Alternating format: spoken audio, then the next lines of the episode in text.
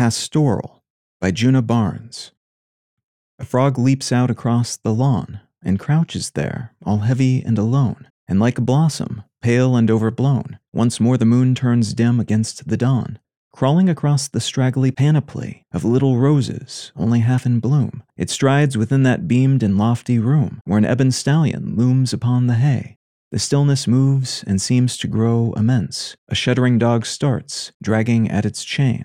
Thin, dusty rats slink down within the grain, and in the vale the first far bells commence.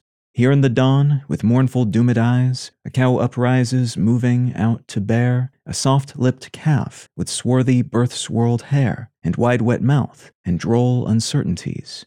The gray fowls fight for places in the sun, the mushrooms flare and pass like painted fans. All the world is patient in its plans. The seasons move forever, one on one. Small birds lie sprawling vaguely in the heat, and wanly pluck at shadows on their breasts. And where the heavy grapevine leans and rests, white butterflies lift up their furry feet.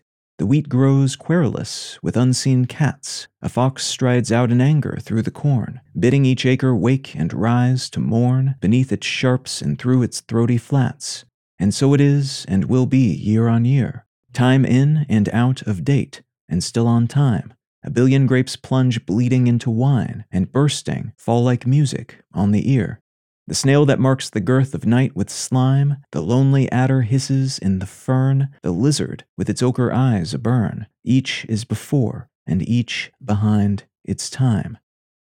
Pastoral by Djuna Barnes.